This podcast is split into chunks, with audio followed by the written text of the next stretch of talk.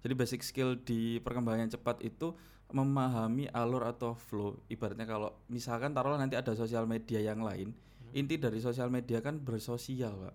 Oke. Berarti kalau seandainya nanti sosial media tutup, ya kita harus rajin-rajin silaturahim, Pak. Oke. Ibaratnya kalau nanti ada sosial media yang baru pun, tetap kita nggak bisa langsung jualan. Ada kita tetap kita harus kasih konten yang edukatif, tetap bersosial, Hmm. yang nanti akan timbul interaksi. Hmm. Baru kita boleh jualan. Hmm. Media. Hi, welcome to The Driven. On our podcast, we will unpack and share some of the most creative, innovative, and entrepreneurial minds out there. We will be discussing the drivers, experience, ideas, and values behind the why, the how to create impact. We deliver it weekly so that you can be inspired. So stay tuned.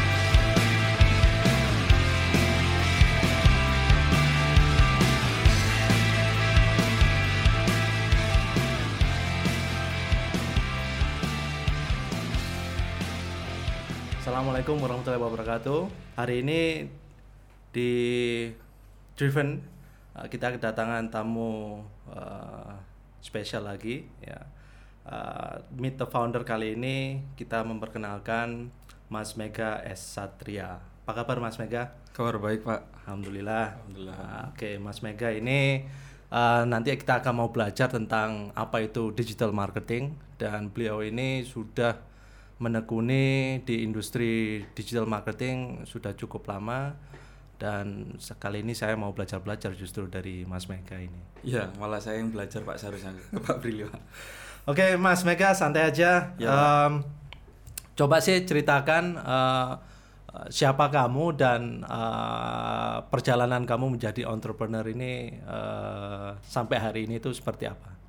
Oke, Pak. eh, sebelumnya eh, terima kasih atas kesempatan bisa hadir di tempat yang istimewa ini, Pak. Santai, Jadi santai. eh, kalau saya sih nyeritain mungkin dari kuliah, eh, Hmm. saya kuliah di UM gitu pak, dan saya asli Probolinggo. Jadi kalau misalkan ngobrol dengan bahasa Madura sih lebih enak kayaknya. Aku yang nggak ngerti nanti. ya, jadi eh, kebetulan saya ngambil jurusan akuntansi pak. Akuntansi, itu ya? itu kayaknya saya salah ngambil jurusan gara-gara eh, waktu itu Hmm. random eh, milih dan sebenarnya pengen milih sejarah, cuman salah salah posisi. Hmm. Area malah masuknya ke akuntansi dan di tengah jalan akhirnya terbentur dengan realita Hmm. karena kebetulan orang tua itu kan pas mau nguliahin waktu itu kalau nggak salah mau minjem ke bank jadi kayak Hmm. Ah mending saya kerja aja ke ke Indomaret waktu itu ada Indomaret lagi buka itu pak Hmm. jadi seandainya saya mungkin milih situ mungkin sekarang saya nggak hadir di depan sini pak mungkin Gitu saya akan ya? nyambut Pak Billy di Indomaret gitu, pak jadi itu tahun tahun berapa, Mek? Kamu eh, apa namanya eh, kuliah itu? tahun 2008 pak Tahun 2008. Iya. Terus masuk ke S1 akuntansi. Akuntansi. Bukan niatan kamu. Eh, bukan pak jadi sepenuhnya gitu kan. Iya. Eh, terus eh sampai selesai? Ah, kebetulan nggak selesai pak. Karena orang tua itu kebetulan eh, megang eh, ibaratnya kayak naruh deposito di sebuah BUMN dan sering ke bank-bank untuk naruh depositonya. Jadi sering ditawari kok kayaknya di perbankan itu enak. Akhirnya disuruh masuk akuntansi dan Oh, karena di tengah jalan itu terbentur dengan realita perusahaan yang di apa ya yang tempat bapak kerja ini bangkrut. Oke. iya jadi mungkin kalau eh, teman-teman tahu pabrik kertas lecas nah itu Ya, kan tahu, tahu. Iya, nah kebetulan di situ bangkrut. Nah akhirnya terbentur dengan realita kebetulan bapak eh, ngiriminya nggak rutin pak. Oke, oke, oke. Sedangkan di sisi yang lain kebetulan setelah lulus SMA saya kepikiran pengen nikah muda pak. Oh, siap. Akhirnya di tengah jalan wah ini harus mandiri kira-kira kayak gitu pak. Oke, oke. Jadi sejak kuliah kamu sudah berusaha untuk mandiri Eh, kayak gitu pak. kayak gitu ya kurang Iya. lebihnya. ya. And then um, terus coba ceritakan eh, kuliah gak selesai terus malah lari ke bidang eh, IT Iya. yang saya nggak tahu kamu punya backgroundnya itu di mana? Iya, jadi mungkin eh, kayak yang tadi sempat kita ngobrol sebelum event ini, Pak. Eh, sebelum podcast ini, Hmm. eh, kalau program-program anak-anak kuliahan kayak entah PMW, entah eh, Yap. gerakan startup dan sebagainya itu kan kurang efektif, Pak. Hmm. Nah kebetulan eh, ketika program PMW pertama itu dibuka, kebetulan saya dapat waktu itu dananya sih lumayan dan tidak ada pertanggungjawaban sih, Pak. Iya, iya, Nah, iya. cuman balik lagi ternyata kurang efektif. Nah akhirnya eh, setelah saya lolos, terus saya bisnis, alhamdulillah dalam enam bulan itu sukses ditutup pak. bisnisnya. sukses ditutup. Iya, Maksudnya? ibaratnya, ibaratnya kayak kalau orang lain mungkin cerita tentang kesuksesan, malah kalau saya cerita tentang kesuksesan, apa yang sukses saya bingung, Pak. Kalau Siap. gagal berulang kali kayaknya, Pak. Siap, siap, siap. Nah, sebenarnya bukan gagal sih, learn lebih tepatnya, Pak. Iya, iya, iya. Iya. Nah, setelah eh, program ini eh, sele- bukan selesai 6 bulan waktu itu saya buka cafe es krim Pak. Idealis saya waktu itu saya pengen jadi chef tapi di sisi es krim. Hmm. Waktu itu saya sempat belajar ke konsultan Campina bikin sundae Pak. Jadi kayak es krim yang lembut banget. Hmm. Terus saya sempat belajar. Nah, karena kafe ditutup dan dana gak cair, Hmm. akhirnya ya udah saya harus mandiri karena kadung cerita ke orang tua jadi mungkin bisa dipraktekin sih sama teman-teman kuliah tuh Hmm. Eh, teknik agar bisa segera mandiri Hmm. jadi mungkin bisa segera hubungi orang tua dan bilang mulai besok saya nggak usah dikirimi uang saku Itu yang kamu lakukan. itu yang saya lakukan pak akhirnya setelah saya balik ke Malang ternyata bener seminggu nggak dikirimi nah saya masih tenang karena masih ada celengan pak dua minggu masih tenang tiga minggu udah resah pak akhirnya di minggu keempat saya makan sama teman-teman di masjid biasa kan Iya, iya. sering pakai nampan Iya, mas iya. sudah makan ya saya langsung duduk pak karena belum makan kira-kira kayak itu pak Iya, iya. nah iya. itu yang akhirnya membuat ini ini nggak bisa kalau ngandalkan dari lomba kemudian ini nggak bisa kalau ngandalkan dari misalkan kayak eh, entah mentor atau Iya, apa ya iya. harus mandiri Ya, ya. Jadi kemandirian itu kamu bentuk dengan eh, menyatakan ke orang tua bahwa wis gak usah kirimi aku uang lagi, Iya. saya mau hidup mandiri dan dengan caraku sendiri. Kira kurang lebihnya seperti itu. Iya, artinya kadang ketika orang itu kepepet energinya pasti akan keluar, Pak. Iya, iya. Nah, akhirnya saya memepetkan diri saya sendiri. Oke. Karena kalau nunggu kepepet kayaknya kok lama. Iya, iya, Iya iya. kayak gitu, Pak. Terus em, eh, tadi berawal dari es krim. Iya, Terus eh, sukses kamu tutup. sukses, Pak. Saya Terus tutup, Pak. kemudian next idea atau next eh, apa eh, bisnis ini apa? Ya setelah dari es krim itu saya sempat kebingungan mau bisnis apa pak Hmm. Karena memang eh, ibu juga punya basic masak dan sejak kecil itu sering diajari masak Hmm. Akhirnya lebih kalau mungkin ada gastronom itu mungkin lidah saya sedikit peka pak Untuk Hmm. ngetes ada gula atau apa dan sebagainya Nah setelah fase bingung ini mau ngapain tiba-tiba ada temen di ruko Waktu itu dia jualan pisang goreng dan sukses ditutup juga Oke. Kebanyakan anak kuliahnya yang dapat dana tuh kok kayaknya Iya, iya. banyak yang ditutup gitu pak Nah setelah dari situ lah kok temen ini ikut pelatihan SEO Oke. Waktu itu bayarnya mahal sekali dan nggak tahu temen ini Di eh, Malang atau di Malang, Pak. Oke, di Malang. dan temen ini naruh buku eh, mungkin modul si pelatihan SEO saya kok tertarik, Tertarik. akhirnya tak pelajari Oke. jadi bukan ikut pelatihan lebih tepatnya belajar modul karena sebelumnya SMA itu sempat main mungkin kalau Pak Brili sih kayaknya kenal kalau teman-teman yang dengerin yang masih kuliah kayaknya nggak kenal Friendster Pak Oh iya, tahu Friendster. iya Masih zamani saya. iya kayak gitu pak Siap, jadi siap. ibaratnya uh, ada pengalaman di blogger Ya. Friendster akhirnya kok ini ada SEO waktu itu WordPress kan pak Iya, iya. akhirnya ya udah belajar lah kok setelah belajar waktu itu saya bisnis pembatas ruangan pak Map, uh, lebih Sketchel. tepatnya. iya Stetzel, iya, iya. nah dari sana saya ngetes sebenarnya kadang uh, apa ya uh, Mau menawarkan produk kamu Iya. eh, online ini gimana caranya?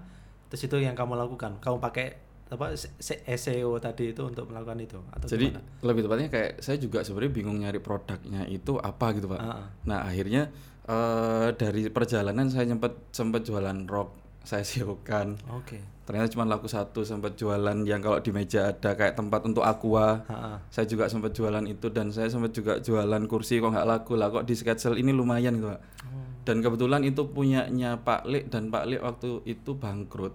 Oke, oke, oke. Ya udah saya ambil alih terus saya siokan sampai akhirnya tetangga sekitar tuh kerja juga pak. Untuk support produk. untuk support. Um, Di alhamdulillah di situ yang letak eh, akhirnya bapak sama ibu itu memberi ACC terserah wis kamu mau ngapain karena ini kamu sudah bisa bantuin tetangga sekitar terserah deh.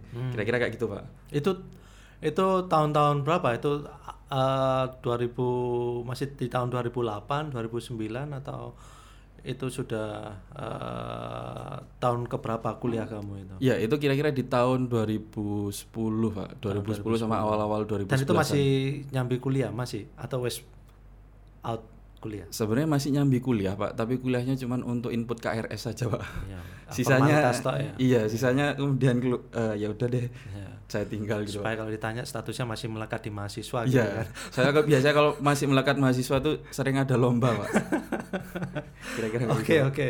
Nah, eh, dari situ em, mungkin basic awal apa eh, pengenalan di IT-nya justru berangkat dari praktek kamu eh, menjalankan SEO itu ya. Iya, betul, Pak. Tapi eh, perusahaan kamu yang sekarang ini kan eh, apa di bidang IT dan kamu juga apa punya kemampuan untuk coding dan seterusnya itu eh, mungkin teman-teman yang lain yang mendengarkan kan pengen tahu ini kalau aku mau masuk ke industri IT ini aku harus bisa coding atau gimana? Lah sedangkan kamu backgroundnya akuntansi itu belajarnya dari mana?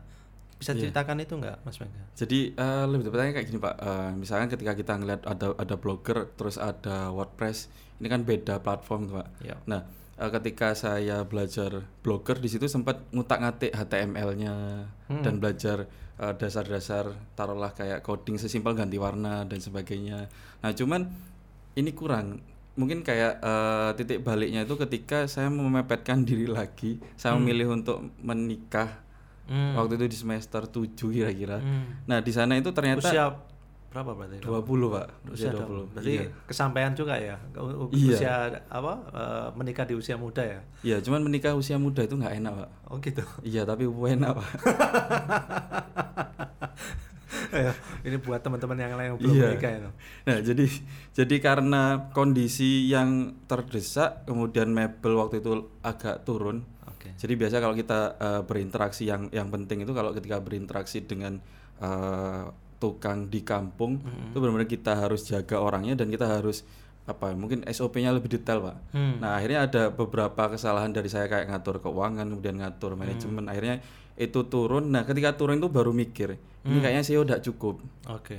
Ini kayaknya benar-benar harus belajar lagi. Oke. Nah akhirnya baru situ belajar pemrograman dasar. Oke. Akhirnya sempat nerima kayak eh, order-order website. Saya utak-atik sendiri ya saya belajar dari YouTube kira-kira gitu pak. Oh, otodidak berarti.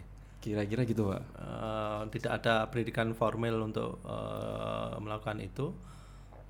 Terus kamu berusaha mencari sendiri dengan caramu sendiri gitu ya. Iya kebetulan kayak gitu pak. Jadi eh, kalau kata Elon Musk sih kan semua itu sekarang ada gratis pak. Ya. Tinggal yang yang harus kita tingkatkan cara belajarnya mungkin pak. Hmm. Jadi nah akhirnya ya nyari dari YouTube terus tanya-tanya ini kok nggak bisa ini kok nggak bisa Hmm. kira-kira kayak gitu pak. sampai kemudian sekarang eh yang nanti akan saya tanya lebih dalam ya eh, tentang produk eh, eh, digital kamu nanti. Em, selanjutnya eh, setelah itu kamu bikin apa ya eh, perusahaan pertama kamu ini Snap Snapsia itu ya atau yang di bidang digital? Kalau di bidang digital sebenarnya sempat di jasa kayak ibaratnya- Apa ini ya? Apa bikin website, bikin Iya. kayak gitu-gitu? Jadi sempat kayak project terus bikinin website, bikinin aplikasi. Kamu mulai sendiri atau dengan teman atau eh, seperti apa, Mac? Kebetulan waktu itu karena karena saya mau ngere- ngerekrut juga uangnya kok lumayan dibuat dikasih ke istri, mending saya lakuin sendiri itu, Pak. Jadi kayak eh, kalau pas overload ya saya saya lempar ke teman minta tolong ini, minta tolong ini. Jadi kira-kira eh, apa ya, Pak ya? Jadi selama masih bisa dilakukan sendiri, saya lakukan sendiri waktu itu, Pak. Bisa ceritakan project pertama kamu itu eh, apa dan eh, pengalaman mengerjakan itu yang yang yang seperti apa? Kalau sebenarnya project project pertama itu yang saya ingat eh, pasti website. Cuman kalau project pertama yang gede yang itu ngebuat akhirnya saya tertarik untuk belajar lagi. Pernah waktu itu saya dapat klien rekanannya Microsoft di Jakarta Selatan. Hmm? Dia tuh kayak yang mengeluarkan sertifikat eh, misalnya kayak Adobe Iya, Word dan iya, sebagainya. iya. Nah, Ah. di situ saya disuruh bikinin websitenya. Hmm. Tapi saya nggak bisa, Pak. Dan di situ ada margin yang lumayan. Dan mereka tahu kamu dari mana? Kebetulan ada ada teman yang jadi manajer di situ Oke. dan waktu itu ngundang Teman saya kuliah? teman kuliah Ah. dan waktu itu saya diminta tolong untuk menata perusahaannya yang mau bangkrut. Oke. Jadi karena dulu ketika kuliah saya juga ini juga penting buat teman-teman. Jadi Hmm. pas waktu kuliah bukan banyakin main. Sebenarnya main nggak apa-apa tapi main sama dosen proyekan atau main sama mentor. Hmm, hmm, hmm. Nah, saya pernah dapat mentor yang dia ngasih project kayak nata Baba Raffi, Hmm. terus kayak nata beberapa bisnis yang kamu harus bisa semua. Ibaratnya kalau mungkin bahasanya total solution lah. Hmm, hmm. Nah, di project yang website di Jakarta ini akhirnya kok saya tertarik tambah belajar lagi gara-gara marginnya yang agak gede. Hmm. dan ini masih bisa dipelajari. Hmm, hmm, Jadi mungkin untuk project pertama sih pak, yang ya. rada gede dan kalau yang lainnya ibaratnya tinggal beli template, hmm. saya install selesai. selesai. Kalau Iya. ini yang benar-benar kamu harus bangun uh, sendiri gitu ya. Iya. Dan itu mulai rekrutmen uh, tim kamu mulai dari project itu atau Iya kebetulan rekrutmen mulai dari project yang di Jakarta ini Hmm. dan alhamdulillah tiga bulan setelahnya, eh empat bulan setelahnya itu tutup lagi pak. Oke. Iya jadi Apa yang menyebabkan itu? Bisa ceritakan uh, Mas Mike. Itu kan karena kadang orang kan kalau belajar dari keberhasilan itu uh, bisa di mana-mana. It's very easy gitu kan. Tapi Iya. justru kegagalan, uh, failure itu menurut saya itu ada hikmah dan nilai-nilai yang uh, terkandung di situ yang mungkin jadi pembelajaran yang uh, bagus juga bagi pendengar-pendengar. Itu apa yang menyebabkan itu kemudian gagal, tutup? Iya, jadi kalau misalkan teman-teman amati ya di di YouTube, di Instagram itu terlalu banyak konten-konten orang sukses, tips Yap. sukses dan sebagainya yang sebenarnya terkadang ini membius, Pak. Iya. Ibaratnya kayak eh, kadang kita kita nggak ngelihat ya orang sukses misalnya kayak Pak Brili, tapi di baliknya ada nangisnya, ada gagalnya. Itu kan itu kan banyak yang kadang di Indonesia itu tidak diceritakan, tapi di luar negeri itu diceritakan, Pak. Iya. Nah, eh, kalau dari saya kenapa kok gagal? Ibaratnya kayak eh, kadang ketika kita ngebentuk sebuah bisnis, kita ngerekrut tim, Iya. itu berdasarkan emosional. Oh, karena teman, karena kenal deket, bukan karena profesionalitas, dan bukan juga karena kesamaan visi. Hmm. Ibaratnya, oke, eh, ini profesional, ini kerjanya bagus, tapi visinya sering nabrak. Hmm. Jadi kira-kira itu akhirnya ya udah bubar aja kira gitu, gitu sih pak. Oke. Jadi bukan karena tidak mampu mendeliver produk tadi, bukan ya? Bukan pak. Lebih banyak em, culture-nya itu nggak sesuai apa apa tim yang kamu bangun tidak sesuai dengan apa yang kamu inginkan, justru itu menghambat pekerjaan kamu. Iya Apa betul. seperti itu, Mike? Iya jadi karena saya juga bukan tipe-tipe orang yang eh, bisa saklek karena kurang suka akhirnya kayak menekankan di culture-nya. Nah kalau misalnya ngomong tim sebenarnya tim tim awal saya yang di, di digital ini malah jago-jago. Kebetulan ada yang dia udah berpengalaman eh, di proyek pemerintahan cukup lama. Hmm. Tapi karena sekali lagi culture, ibaratnya mungkin kalau kayak kayak hari ini tuh kayak guyonannya nggak nyambung mungkin gitu. Pak. Terus kalau kalau jalan, taruh misalnya saya pengen jalan ke warung lah, ini kok pengen jalan ke misal kayak karaokean. Waduh, takut saya nggak kuat sih pak. Hmm, hmm, hmm.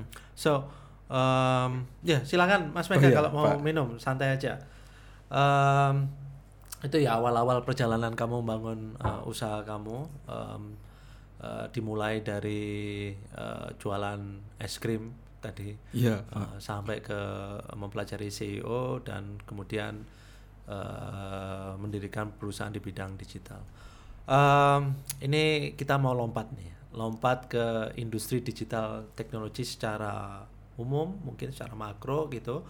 Uh, di aspek eh, atau di benaknya Mas Mega ya kira-kira itu eh, digital technology dan industri tersebut ya, itu bagaimana saat ini di Indonesia kondisinya seperti apa Mas? Oke, eh, kalau saya ngelihat eh, kondisi ini eh, itu terlihat jelas ketika saya pernah ikut eh, sebuah event startup dan kebetulan waktu itu dari eh, apa namanya eh, dari negara Swiss kalau nggak salah pak. Nah di sana itu saya ngelihat ternyata ekosistem di Indonesia atau atau mungkin bahasanya hype startup di Indonesia itu ternyata masih kurang pak. Masih kurang mana? Iya, jadi kalau di luar itu yang dikejar itu memang produknya, Oke. memang bisnisnya, dan kalau di Indonesia itu kebalik. Kadang kita ngelihat kenapa kok program-program kayak entah seribu startup atau apa itu kok banyak yang gagal. Sebenarnya kalau anak-anak kuliah masih mementingkan, oh saya co-foundernya, saya CEO-nya, bukan kepada keberlangsungan bisnisnya. jadi kalau kalau saya ngelihat di Indonesia itu yang kurang itu sebenarnya ekosistem, pak. Hmm. Orang pinter banyak, Hmm. ada yang jago bikin produk juga bagus-bagus, ada banyak orang Hmm, hmm, hmm, hmm. support juga mungkin ada tapi yang menghubungkan yang connecting the dots ekosistemnya itu yang kurang gitu pak Gitu ya, kamu Iya. merasa seperti itu ya? kalau saya sih merasa pak Oh, Oke oke Gitu, oke. Pak. So um, apa uh, tadi kamu bisa uh, mengatakan tentang apa Swiss ya tadi ya. Uh, bisa ceritakan mas pengalaman kamu apa kok kamu tahu tentang apa yang terjadi di Swiss itu? Bisa cerita nggak tentang itu? Eh, sebenarnya bukan bukan saya ke Swiss waktu itu eh, sempat eh, di ruang perintis itu ada teman-teman dapat eh, info lomba gitu pak Eh, tapi kebetulan karena nggak ada yang ikut akhirnya saya ngikut Oke. S- saya Ini eh, kompetisi yang dibuat oleh sebuah perguruan tinggi atau atau apa? i- ini kompetisi dari kerjasama antara pemerintah Indonesia dengan pemerintah Swiss. Oh, kebetulan kan di Swiss kan negaranya kecil duitnya banyak. Dia bingung ngelempar duitnya ke mana. Oh. Jadi kadang eh, teman-teman startupan juga eh, apa ya ngambil resiko juga kurang. Akhirnya ya udah saya ikut. Hmm. dan ketika eh, di di final itu kebetulan saya sampai final. Dan di final itu kelihatan jelas sekali gitu artinya eh, perbandingan terus perbedaan antara eh, startupan yang di luar dan di Indonesia itu perbandingan kok jauh sekali Pak. Oke, oke, oke, oke. Nah, eh, dari situ kamu eh, mengenal startup-startup dari Swiss juga atau cuman Indonesia yang diminta untuk present ke Swiss atau ya atau gimana Mas? Iya, eh, karena apa ya pak ya? Eh, iya saya mengenalnya yang yang di Indonesia dan present ke Swiss gitu pak. Heeh, heeh. Dan menurut saya eh, mereka keren-keren. Mereka tapi- juga memberikan men- mentorship atau apa kayak gitu-gitu ada dari negara sana. Iya, mereka juga memberikan mentorship dan kebetulan saya sempat ikut sampai selesai dan saya melihat di di Indonesia apalagi pembahasan tentang startup kayak kurikulumnya itu kurang ditata pak. Artinya kayak buku tentang startup belum ada. Kebanyakan di toko-toko buku itu kan buku-buku tentang kesuksesan. Iya. entah si Nadim siapa dan sebagainya. Tapi buku yang mem- membahas detail kenapa kok Gojek bisa segede ini, stepnya gimana itu kan kurang. Hmm. Artinya kalau di luar tuh memang kurikulumnya ada, Hmm. step-stepnya ada di Indonesia kok belum gitu pak. Hmm. Mungkin ini bisa jadi eh, apa ya penyemangat buat Pak Brili agar segera ngeluarin buku paket kayaknya pak. Iya iya iya iya itu menarik itu Em, apa namanya mem- kalau kita di kurikulum di kampus itu eh, memang masih belum ideal ya. Kalau mencapai ideal mungkin juga tidak akan pernah bisa. Tetapi paling enggak eh, selalu ada improvement ke sana. Tapi aku ngelihat eh, dua tiga tahun belakangan ini awarenessnya di lingkungan kampus tentang startup dan entrepreneurship itu sudah mulai eh, lebih baik lah daripada sebelum-sebelumnya. Kalau dulu kan mindsetnya kampus ini adalah untuk mencetak mereka yang ingin jadi pekerja dan itu orientasinya PNS. gitu Iya, iya, kan. Mindsetnya dulu gitu, gitu kan. Tapi sekarang eh, saya rasa lebih diverse gitu kan karena eh, entrepreneurship is everywhere. Semua orang sedang eh, menggaungkan eh, itu dan eh, mengenalkan startup itu jadi trending eh, topik ibaratnya di benaknya millennials itu sehingga eh, bahkan masuk ke dosen-dosen pun sekarang sudah sudah familiar. Kalau ke- mungkin lima tahun yang lalu kita ngomong tentang startup itu apa juga eh, mereka nggak nggak tahu apa itu startup. But now is much better.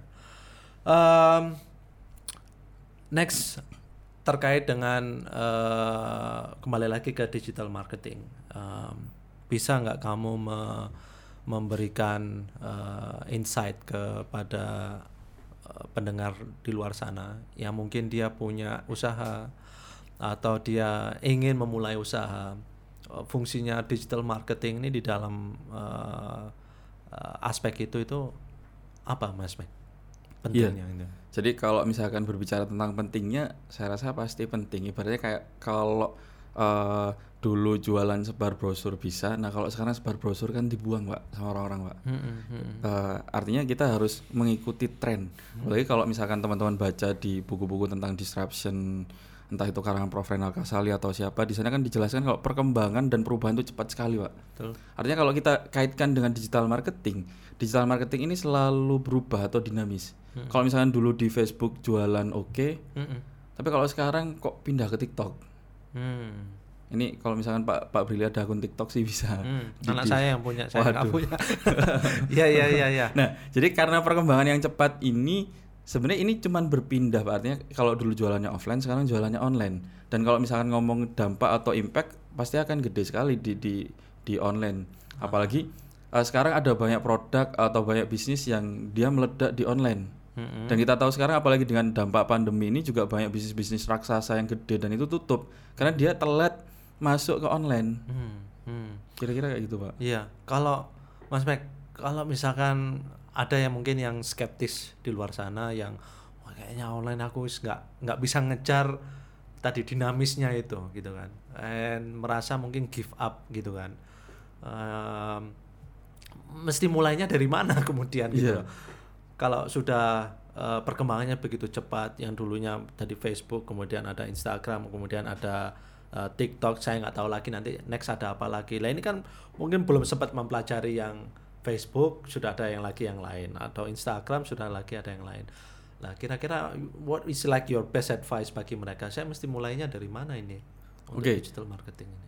Jadi eh, saya rasa memang perkembangan itu cepat sekali gitu kan Pak. Nah dari perkembangan yang cepat itu yang penting ini basic skill yang harus eh, pendengar eh, pelajari. Jadi basic skill di perkembangan yang cepat itu memahami alur atau flow. Ibaratnya kalau misalkan taruhlah nanti ada sosial media yang lain, inti dari sosial media kan bersosial Pak. Oke. Berarti kalau seandainya nanti sosial media tutup, ya kita harus rajin-rajin silaturahim Pak. Oh, Ibaratnya kalau nanti ada sosial media yang baru pun, tetap kita nggak bisa langsung jualan. Ada kita tetap kita harus kasih konten yang edukatif, tetap bersosial, Hmm. yang nanti akan timbul interaksi. Hmm. Baru kita boleh jualan.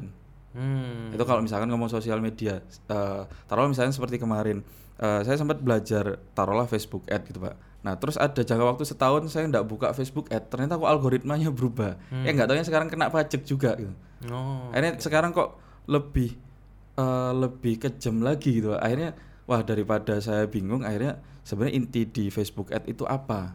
Kalau misalkan saya bisa berkolaborasi, mending saya kolaborasi. Nah kalau misalkan saya taruhlah, saya sebenarnya sempat pengen menyerah gitu pak, untuk mengejar ketertinggalan yang cukup jauh. Hmm. Nah akhirnya eh, dari situ saya mempelajari, oh mending saya yang rekrut reseller yang dia jago dan dia update tentang digital marketing Hmm. mending saya ajak kolaborasi siapa saya cukup paham intinya apa gitu pak Hmm. makanya kenapa di produk-produk saya yang baru dan di startup saya itu sebenarnya kami tidak mengeluarkan budget ads sepeser pun justru para uh, affiliate kami para reseller kami itu yang iklan Hmm. kira-kira Yang gitu Pak. iklannya untuk kamu. iya pak Iya iya, itu nanti em, mau saya tanya-tanya gimana caranya itu. Em, tapi sebelum itu, Mas Mega, eh, tadi kamu menyampaikan sedikit tentang interaksi dengan pelanggan eh, offline yang harus kemudian anda eh, lakukan secara online. Eh, give me an example, contoh yang mungkin yang bisa di sederhana yang mungkin bisa dipelajari atau mungkin bisa diikuti oleh UKM atau untuk usaha yang baru untuk kenalin produknya itu kayak gimana? Oke, taruhlah eh, kalau saya sih eh, tertarik ini Pak di, di sebenarnya buku lama karangan Pak Hermawan Kertajaya judulnya New Wave Marketing kalau nggak salah. Nah di sana itu eh, sempat ada case di mana ada sebuah brand yang untuk daftarnya itu via online untuk daftarnya via iya, online. Jadi taruhlah misalkan ketika kita beli sesuatu kan kadang kita daftar sih Pak, Oke. daftar online itu kan interaksi online. Hmm. Nah ketika kita daftar kan kadang ada tanggal lahir atau apa Oke. yang kalau misalkan saya masih baru terus kemudian ini ad- kok ada pelanggan yang bakal jadi influencer untuk produk saya Mm-mm. jadi ketika di tanggal lahir itu saya kirimi paket sesimpel selamat ulang tahun atau apa nah akhirnya ada kombinasi antara interaksi online dan offline Hmm. Dengan begitu eh, harapannya apa? Yang bisa kamu manfaatkan dari itu apa kira-kira nanti? Eh, harapannya tuh kalau misalnya kita sadari juga eh, para pendengar sadari loyalitas di era sekarang itu rendah sekali pak Hmm. sesimpel oke kita ke marketplace satu dia lagi eh, ngeluarin banyak eh, free ongkir kemudian banyak eh, misalkan flash sale dan sebagainya ketika dia sudah tidak ngasih free ongkir eh kok marketplace lain ngasih free ongkir si konsumennya akan berpindah. Taruhlah misalnya di di Instagram deh eh, yang misalkan Instagram Pak Brili kok sering ngasih giveaway pulsa karena anak kuliahan eh tiba-tiba ada waktu di mana Pak Brili nggak ngasih Hmm. eh di di kompetitor lain kok ngasih dia akan berpindah Hmm. artinya eh, apa korelasi antara interaksi online dan offline itu lebih tepatnya menjaga loyalitas pak Hmm. karena sekarang menjaga loyalitas kok kayaknya rada susah Iya iya iya iya. So uh, dia mampu me- meningkatkan itu ya. Um, tapi contoh misalkan kalau kalau misalkan produknya jasa mas, mas Mega, bagaimana kita bisa memanfaatkan digital marketing itu untuk uh, meningkatkan interaksi kita dengan uh, pelanggan? Oke, eh, kalau bisnis jasa, kalau sebelum eh, ada taruhlah eh, internet seramai sekarang dan digital marketing seramai sekarang, kalau di bisnis jasa itu kan intinya kan eh, cari prospek, kemudian taruhlah mengkonversi, kemudian jadi klien.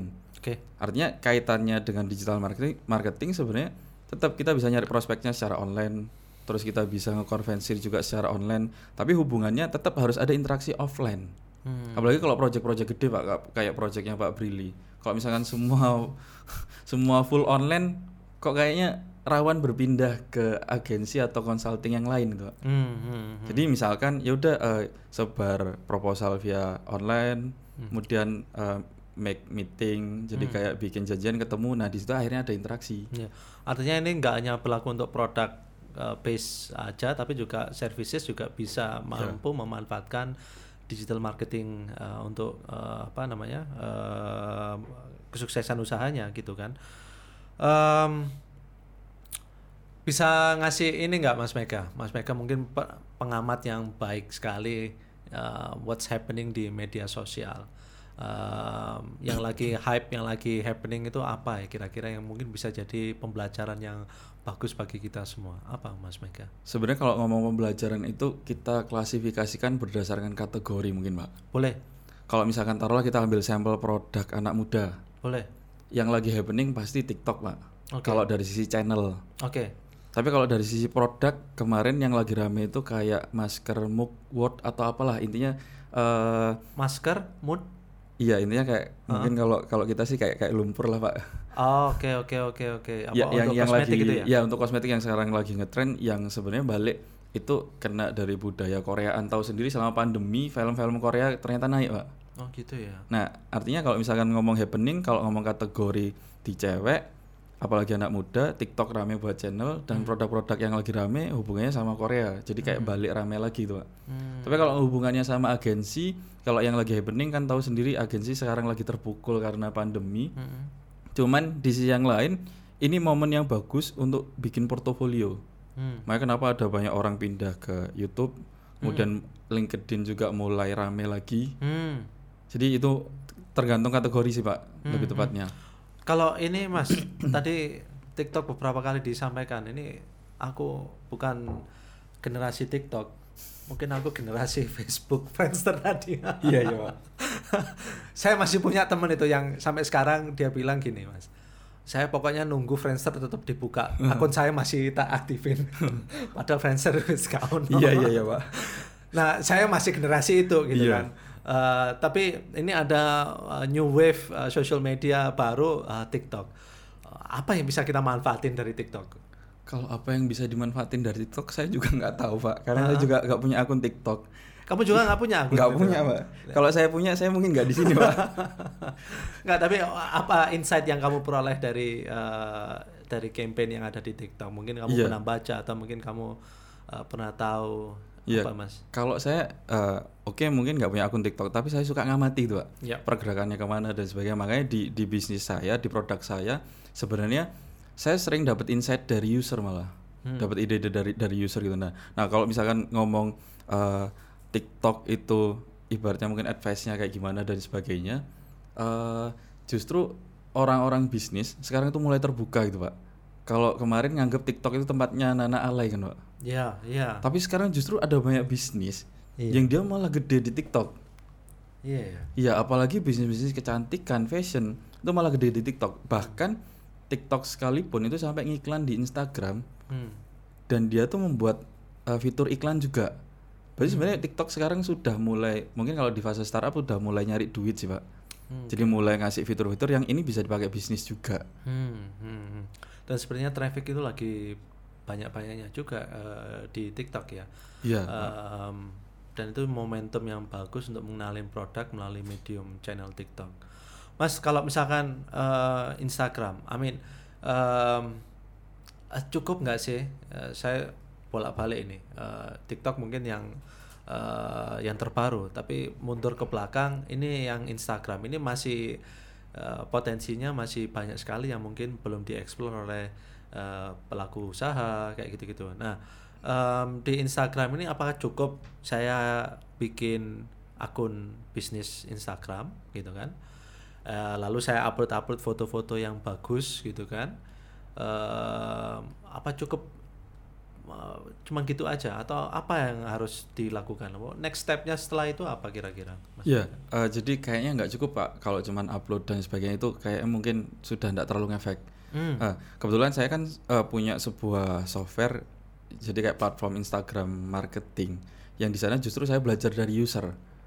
Kebetulan ada ketika misalkan kadang bales eh, eh, ada masalah apa dari sana saya juga belajar. Nah, jadi kalau misalkan ngomong Instagram semakin ke sini Instagram tuh semakin organik. Jadi Oke. ibaratnya kalau kalau dulu follow unfollow itu ngefek dan sebagainya sekarang sudah tidak terlalu ngefek. Artinya inti dari Instagram sekarang itu bikinlah konten yang punya interaksi yang bagus. Kalau misalkan pengen tahu konten yang bagus kayak gimana, sesimpel ngelihat punya kompetitor. Atau pakailah aplikasi-aplikasi riset konten yang lagi trending.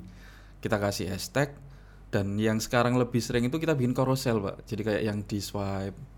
Hmm. Jadi kayak konten mungkin bahasa microblogging, Pak. microblogging ya Iya. ada lima atau enam apa namanya picture itu kemudian orang bisa nge-slide itu upayanya untuk meningkatkan interaksi tadi itu atau Iya. gimana? Jadi eh, logikanya gini, Pak. Setiap kali Instagram ngeluarin fitur baru, Ya. ketika kita pakai fitur baru itu interaksi kita naik.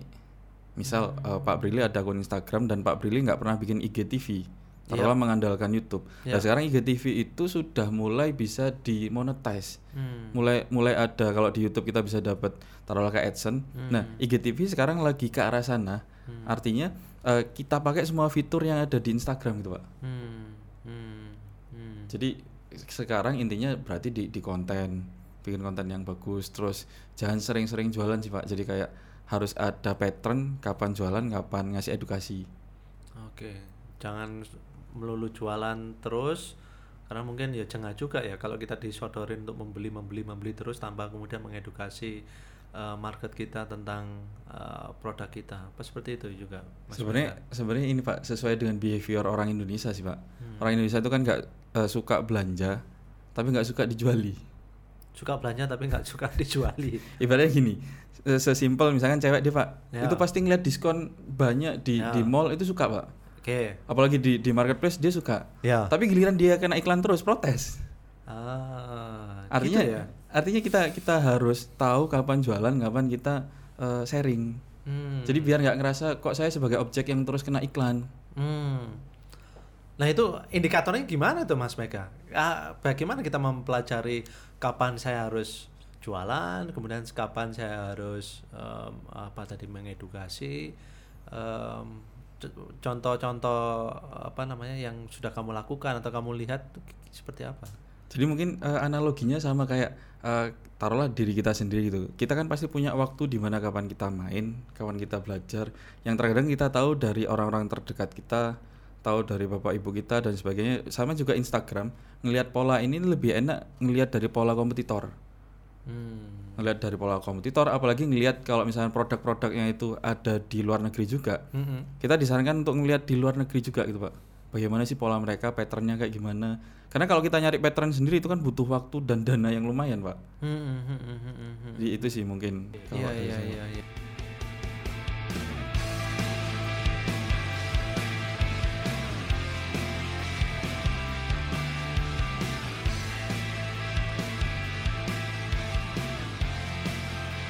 Thank you for being with us. My name is Billy and signing up for today's episode on The Driven.